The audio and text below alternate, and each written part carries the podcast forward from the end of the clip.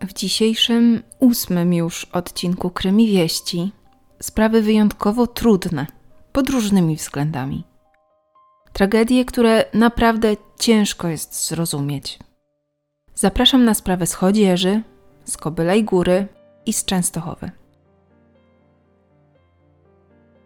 Mieli prowadzić normalne życie, mieć swoje cele i plany, a za tydzień uczestniczyć w tak ważnym wydarzeniu, jakim niewątpliwie jest wesele. Dwie kobiety w wieku 38 i 71 lat, mężczyźni w wieku 41 i 73 lat oraz czteromiesięczny Staś. Od trzech miesięcy wszyscy mieszkali w rodzinnym domu 41-letniego Krzysztofa w Chodzieży. Wraz z żoną Martą i synem Stasiem przeprowadzili się do jego rodziców. Miało to ułatwić opiekę nad starszym małżeństwem, zwłaszcza nad ojcem, który jakiś czas przed przeprowadzką miał wylew. Wcześniej mieszkali w Sochaczewie pod Warszawą, w którym Marta miała zarejestrowaną działalność gospodarczą. Sprzedawała ręcznie malowane torebki. Krzysztof zajmował się rękodziełem. Rodzina była spokojna i bezkonfliktowa. Trzymali się co prawda na uboczu, tym samym nie utrzymując bliższych kontaktów z sąsiadami, nie zwierzając się ze swoich problemów czy obaw. Jest poniedziałek, 24 kwietnia. Wieczór. Zbliża się godzina 20. Pod jednym z domów jednorodzinnych, zawiadomiona przez zaniepokojoną brakiem kontaktu z krewnymi rodzinę, zjawia się policja. Funkcjonariusze zauważają, że drzwi wejściowe są uchylone. Widzą również palące się światło w jednym z pokoi. Chwilę wcześniej do domu jednorodzinnego wchodził znajomy. Został poproszony o to, by sprawdzić, czy wszystko jest w porządku, bo od kilku dni żaden z domowników nie odbiera telefonu, nie odpowiada na wiadomości. Czy to przez roztargnienie ktoś nie domknął drzwi, czy z innego powodu, niemniej jednak wiele wskazuje na to, że w środku ktoś jest. Policjanci otrzymali konkretne zgłoszenie. Wiedzą, że w środku na pewno są dwie osoby. Wchodzą więc, by sprawdzić, co się tam właściwie stało. Ich oczom ukazuje się makabryczny widok. Okazuje się, że na parterze budynku znajdują się ciała trzech osób, natomiast na piętrze kolejnych dwóch. Wszyscy mają głębokie uszkodzenia szyi. Dodatkowo kobieta, którą znaleziono na parterze, związane ręce i nogi oraz zaklejone usta. Z kolei dziecko leżało na łóżku przykryte kołdrą. W domu jednorodzinnym znaleziono również narzędzie przestępstwa. W początkowym etapie ciężko jest ocenić, czy osoby znajdujące się w środku to krewni. To, co się stało, również w tym momencie nie jest do końca jasne. Wiadomo jednak, że doszło do przestępstwa. Niewątpliwie okrutnego, wręcz nieludzkiego przestępstwa. Na miejscu zjawiają się kolejni funkcjonariusze. Pracują pod nadzorem prokuratora, zabezpieczają wszelkie możliwe ślady, by jak najszybciej ustalić, czy sprawcą jest osoba z zewnątrz, która po dokonaniu tak strasznych czynów po prostu uciekła, czy jednak zrobił to ktoś, kto znajdował się wówczas w domu jednorodzinnym. Śledczy biorą różne wersje i różne możliwości pod uwagę. Próbują ustalić powód, poznać motyw. Zapewne weryfikują to, czy doszło do kradzieży, czy może jednak była to forma zemsty, a może porachunków. Wszystko jest skrupulatnie badane i weryfikowane. Wstępna wersja tego, co tak naprawdę mogło się wydarzyć, pojawia się bardzo szybko, chociaż śledczy nie dysponowali wówczas wszystkimi wynikami badań zabezpieczonego na miejscu materiału, czy chociażby wynikami autopsji. Śledczy informują, że odnalezione osoby są spokrewnione. Skłaniają się do tego, że sprawcą był 41-letni Krzysztof, syn, mąż i ojciec. Prokuratura Okręgowa w Poznaniu wyklucza to, że człowiekiem odpowiedzialnym za tę tragedię był ktoś z zewnątrz. Ta informacja nieco uspokoiła sąsiadów, którzy w pierwszych chwilach po odkryciu pięcioosobowej rodziny zaczęli bać się o bezpieczeństwo swoje i swoich bliskich. Zaraz po tym, gdy informacje o szczegółach tragedii obiegły okolicę, możliwości o sprawstwie osoby z zewnątrz wykluczyć nie było można. Niemniej jednak bardzo szybko ustalono, że to 41-latek jest odpowiedzialny tej tragedii. Krzysztof miał odebrać życie w pierwszej kolejności swoim rodzicom, następnie żonie, potem synowi, na końcu samemu sobie. Na miejscu podobno nie znaleziono listu pożegnalnego. Do tych tragicznych wydarzeń miało dojść na dwa bądź trzy dni przed odnalezieniem rodziny, chociaż pojawiają się wersje, że między odebraniem życia rodzicom a żonie i synkowi minęło co najmniej kilkanaście godzin. Mogłoby to tłumaczyć przyczynę skrępowania Marty. Być może kobieta zorientowała się, co jej mąż zrobił, w związku z czym chciała zabrać syna i uciec.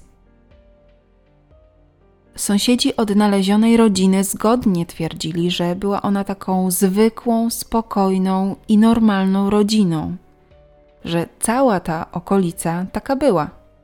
Policja nie zjawiała się tam często, natomiast rodzice Krzysztofa mieszkali na tym osiedlu w zasadzie od zawsze. Poza tym, że rodzina była skryta i trzymała się trochę na uboczu, to nic związanego z ich zachowaniem czy funkcjonowaniem nie wzbudzało niczyich wątpliwości. Jedna z sąsiadek wspominała, że w czwartek 20 kwietnia widziała małżeństwo z synem na spacerze. Ich spacer miał się odbywać w dość nieprzyjemną pogodę, bo padał wówczas deszcz. Dość szybko wrócili do domu, jednak każdy z małżonków osobno. Najpierw Krzysztof, potem Marta z dzieckiem. Czy się pokłócili? Nie wiadomo. Co do zapalonego światła i otwartych drzwi, tłumaczono to w ten sposób, że był to ciepły weekend, więc otwarte drzwi to nic dziwnego. Poza tym mama Krzysztofa miała koty, więc może uchyliła je, by zwierzaki mogły wejść do środka. Co do zapalonego w nocy światła, tłumaczono to obecnością Stasia, że zapewne się obudził i rodzice mają kłopot, by z powrotem położyć go spać każdym razie nic nie wskazywało na to, że do tragedii może dojść. Rodzina nie miała założonej tak zwanej niebieskiej karty, nie dochodziło w niej do jakichkolwiek sytuacji przemocowych czy innych niepokojących okoliczności. Przynajmniej nie było to nigdy oficjalnie zgłoszone. Natomiast 41-letni Krzysztof nie był wcześniej karany. Jedno jest pewne: strach, potem niedowierzanie, a na końcu smutek. Takie odczucia towarzyszą sąsiadom, ale i mieszkańcom całej Polski. Tym bardziej, że motywy działania Krzysztofa nie są znane.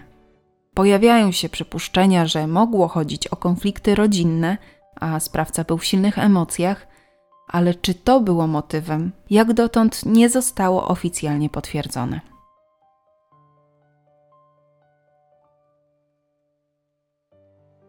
Kolejna tragedia wydarzyła się w Kobylej Górze – w niedużej miejscowości w województwie wielkopolskim.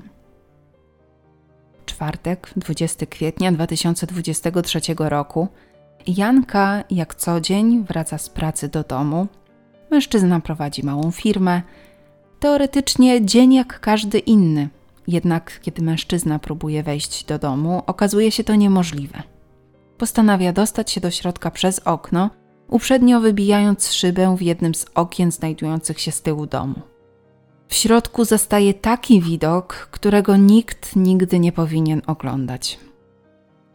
W jednym z pokoi odnajduje swoją nastoletnią córkę, w drugim pokoju drugą, natomiast w łazience znajduje żonę. Wszystkie trzy są nieprzytomne. Mężczyzna wzywa odpowiednie służby. Pogotowie, które dociera na miejsce, stwierdza, że jedna z córek nie żyje, drugą reanimowano, bezskutecznie. Udało się przywrócić funkcje życiowe matce, jednak jej stan jest ciężki. Pozostaje w stanie głębokiej nieprzytomności i nieświadomości. Najstarszej z córek nie było wtedy w domu. Przebywała wówczas w specjalistycznym ośrodku. Z racji niejasnych okoliczności, ale również tego, że zarówno jedna z córek, jak i matka miały rany pochodzące od ostrego przedmiotu, prokuratura wszczęła śledztwo. Przeprowadzono autopsję Jadwigi i Magdaleny, czyli córek Jana i Krystyny K. Okazało się, że starsza córka straciła życie w wyniku ran zadanych ostrym przedmiotem, najprawdopodobniej nożem, w okolicach głowy i szyi. Młodsza z córek miała nieznaczne otarcia na szyi, powstałe najprawdopodobniej w wyniku gwałtownego nacisku, co skutkowało utratą życia. Pobrano materiał do dalszych badań w celu ustalenia, czy podano im wcześniej jakieś preparaty lub inne medykamenty, które mogły wpływać na ich stan zdrowia i świadomości. Przeprowadzono również oględziny miejsca zdarzenia z udziałem specjalistów i biegłych. Nikomu nie przedstawiono zarzutów, natomiast ze względu na zły stan zdrowia Krystyny K. nie wykonano z nią żadnych czynności procesowych. W ramach dalszych działań ustalono, że rodzina była monitorowana przez sąd rodzinny w Ostrzeszowie z powodu pisma, które matka dziewczyn przesłała do Wydziału Rodziny i Nieletnich na przełomie marca i kwietnia, a które miało dotyczyć niedostatecznej pomocy jej rodzinie ze strony państwa. Miało ono być pozbawione wszelkiej logiki w treści, co wydało się alarmujące. Zdecydowano więc o wszczęciu z urzędu postępowania w celu ustalenia, czy w rodzinie dzieje się coś niepokojącego. Zostało wyznaczone posiedzenie w celu rozeznania i ewentualnej zmiany opiekuna prawnego dla najstarszej córki. Swego czasu wyznaczono matkę, jednak sąd chciał mieć pewność, że kobieta nadal może pełnić taką funkcję. Z niejasnych przyczyn na pierwszym spotkaniu rodzice dziewiętnastolatki się nie stawili. Z kolei w szkole, w której uczyły się dziewczyny, nie zauważono niczego niepokojącego. Miały one przychodzić zadbane i przygotowane, natomiast ich rodzice wykazywać chęć współpracy. Mimo bardzo dobrej opinii i braku karalności, pojawiły się przypuszczenia, że winnym może być Jan K., czyli ojciec. Został on zatrzymany w celu złożenia wyjaśnień. Przeprowadzono również eksperyment procesowy z jego udziałem. Jednak prokuratura nie postawiła mu żadnych zarzutów. Mężczyzna został zwolniony. Chociaż motywy tej tragedii nie są do końca znane, bierze się pod uwagę sprawstwo Krystyny K. Kobieta nie pracowała zawodowo, zajmowała się domem. Od jakiegoś czasu miała się izolować, stronić od kontaktów z ludźmi, pisać różne dziwne komentarze w internecie. Natomiast co do oficjalnych zawiadomień i interwencji w tej rodzinie, to podobno takich nie było. Sprawa Kamila z Częstochowy. 3 kwietnia do Górnośląskiego Centrum Zdrowia Dziecka imienia świętego Jana Pawła II w Katowicach z obrażeniami głowy, wielonarządowymi uszkodzeniami ciała, złamaniami obu rąk i nogi oraz rozległymi oparzeniami trafił Kamil. Miał oparzenia trzeciego stopnia na jednej czwartej powierzchni ciała. Zapadła decyzja o wprowadzeniu go w stan głębokiej nieprzytomności. Przeprowadzono cztery operacje. Stwierdzono również nieleczone złamania nogi oraz obu rąk. Walka o zdrowie i życie nadal trwa. Ale cóż się właściwie stało? Wypadek? Nieuwaga? Stan zdrowia Kamila nie jest przypadkowy. 29 marca doszło do takich wydarzeń, że naprawdę ciężko je opowiedzieć i zrozumieć.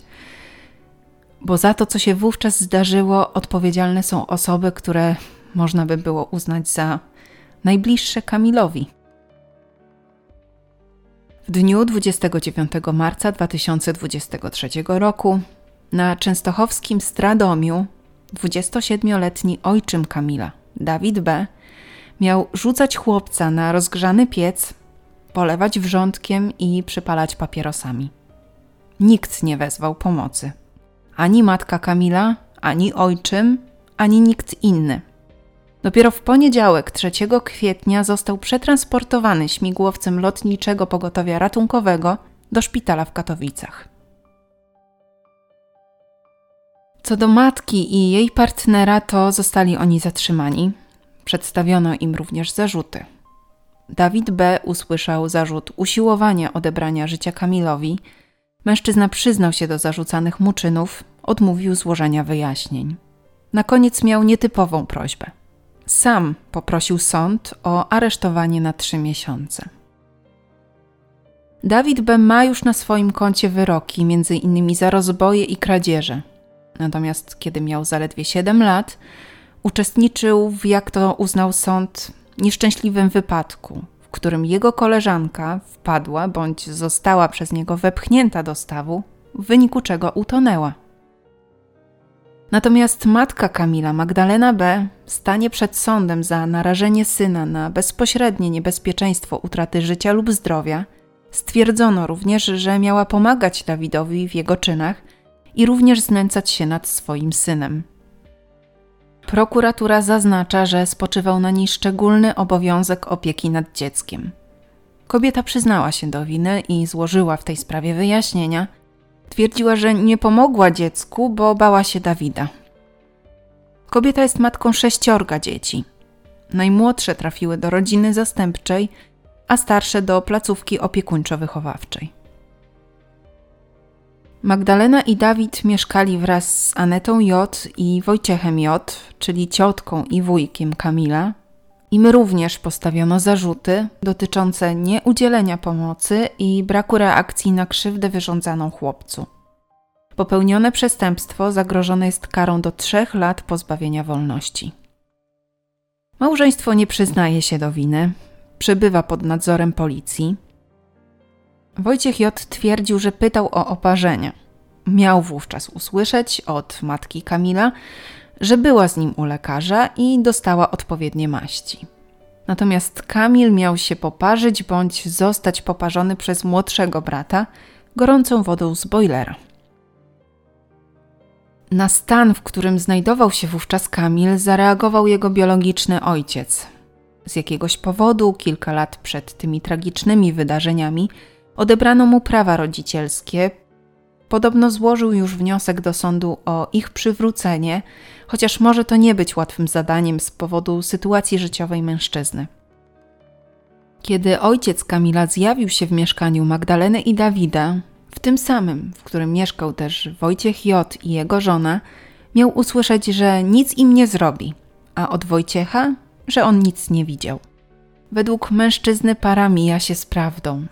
Jego zdaniem wiedzieli o tym, jak jego syn był traktowany i na to przyzwalali. Co istotne, rodzina Magdaleny i Dawida była pod nadzorem służb zarówno w Częstochowie, ale także w Olkuszu w Małopolsce, gdzie wcześniej mieszkali. Odwiedzał ich dzielnicowy, a także przedstawiciele ośrodka pomocy społecznej. Małżeństwo B miało utrzymywać się głównie ze świadczeń socjalnych, w tym również z programu Rodzina 500. Były sygnały, że dzieciom w tej rodzinie nie żyje się najlepiej. Biologiczny ojciec Kamila wspomina, że chłopak nie chciał wracać do matki po spotkaniach z nim. Miał nawet uciekać z domu jeszcze wtedy, gdy mieszkali w Olkuszu. Szkoła natomiast niczego niepokojącego w zachowaniu Kamila nie zauważyła. Miał się uśmiechać i chętnie uczestniczyć w zajęciach. Natomiast to, gdy przyszedł na zajęcia z bólem ręki i pękniętą wargą, zgłosili matce Kamila z sugestią, że należy udać się do lekarza. Kolejnego dnia chłopiec przyszedł z gipsem. Uwierzono w tłumaczenia Magdaleny, że Kamil przewrócił się o próg. Po nagłośnieniu historii Kamila w internecie powstała zbiórka. Zebrane środki miałyby mu pomóc w przyszłości wrócić do pełni sił, jednak przekazanie zebranej kwoty stanęło pod znakiem zapytania z powodu braku opiekuna, który miałby zarządzać majątkiem Kamila. Biologiczna matka przebywa w areszcie, przy czym w sądzie złożono stosowny wniosek o odebranie jej praw rodzicielskich, natomiast ojcu odebrano prawa kilka lat wcześniej. W związku z powyższym prokurator złożył do sądu rodzinnego wniosek o ustanowienie kuratora dla reprezentowania interesów majątkowych Kamila. Śledczy chcą mieć również pewność, że wszystkie zebrane środki zostaną przeznaczone na właściwy cel, jakim jest m.in. rehabilitacja. Dodatkowo serwis, w którym zorganizowana została zbiórka, również objął ją dodatkowym nadzorem. Na ten moment zebrana kwota przekracza 620 tysięcy złotych. Chociaż pewnych przepychanek i niejasności między serwisem, w którym zorganizowano zbiórkę, szpitalem, a nawet prokuraturą nie mogło zabraknąć, wszyscy twierdzą, że ich cel jest ten sam, by Kamil otrzymał zebrane środki. Jeśli chodzi o aktualny stan zdrowia Kamila, to w ostatnich dniach był on stabilny. Jeśli się taki utrzyma, rozważane będzie stopniowe wybudzanie, w przypadku Kamila największym problemem był ciężki przebieg choroby oparzeniowej spowodowany rozległymi oparzeniami i nieleczeniem ran przez wiele dni. Posiadasz nowsze informacje w którejś z omawianych spraw? Zaktualizuj w komentarzu. A co do komentarzy? Nigdy wcześniej o to nie prosiłam, ale bardzo proszę o zachowanie rozwagi i spokoju nie chciałabym blokować tej sekcji, ale jeśli zaistnieje taka konieczność, to moja reakcja będzie nieunikniona. Przypomnę tylko, że seria Krymi Wieści ma na celu przedstawienie aktualnych spraw kryminalnych w sposób możliwie zwięzły i rzeczowy, skupiający się na najnowszych ustaleniach czy wydarzeniach. Jest szansa, że niektórym sprawom zostanie poświęcony cały odcinek i że w przyszłości pojawią się na kanale w formie podcastu – Wiele zależy od specyfiki danej sprawy, ale też zaangażowania i sygnałów z Waszej strony. Czy taka potrzeba w ogóle jest? Odcinek powstał na podstawie ogólnodostępnych informacji, źródła jak zwykle w opisie. Czy zostaniesz kolejnym ogniwem krymi kręgu? Do usłyszenia całkiem zaraz.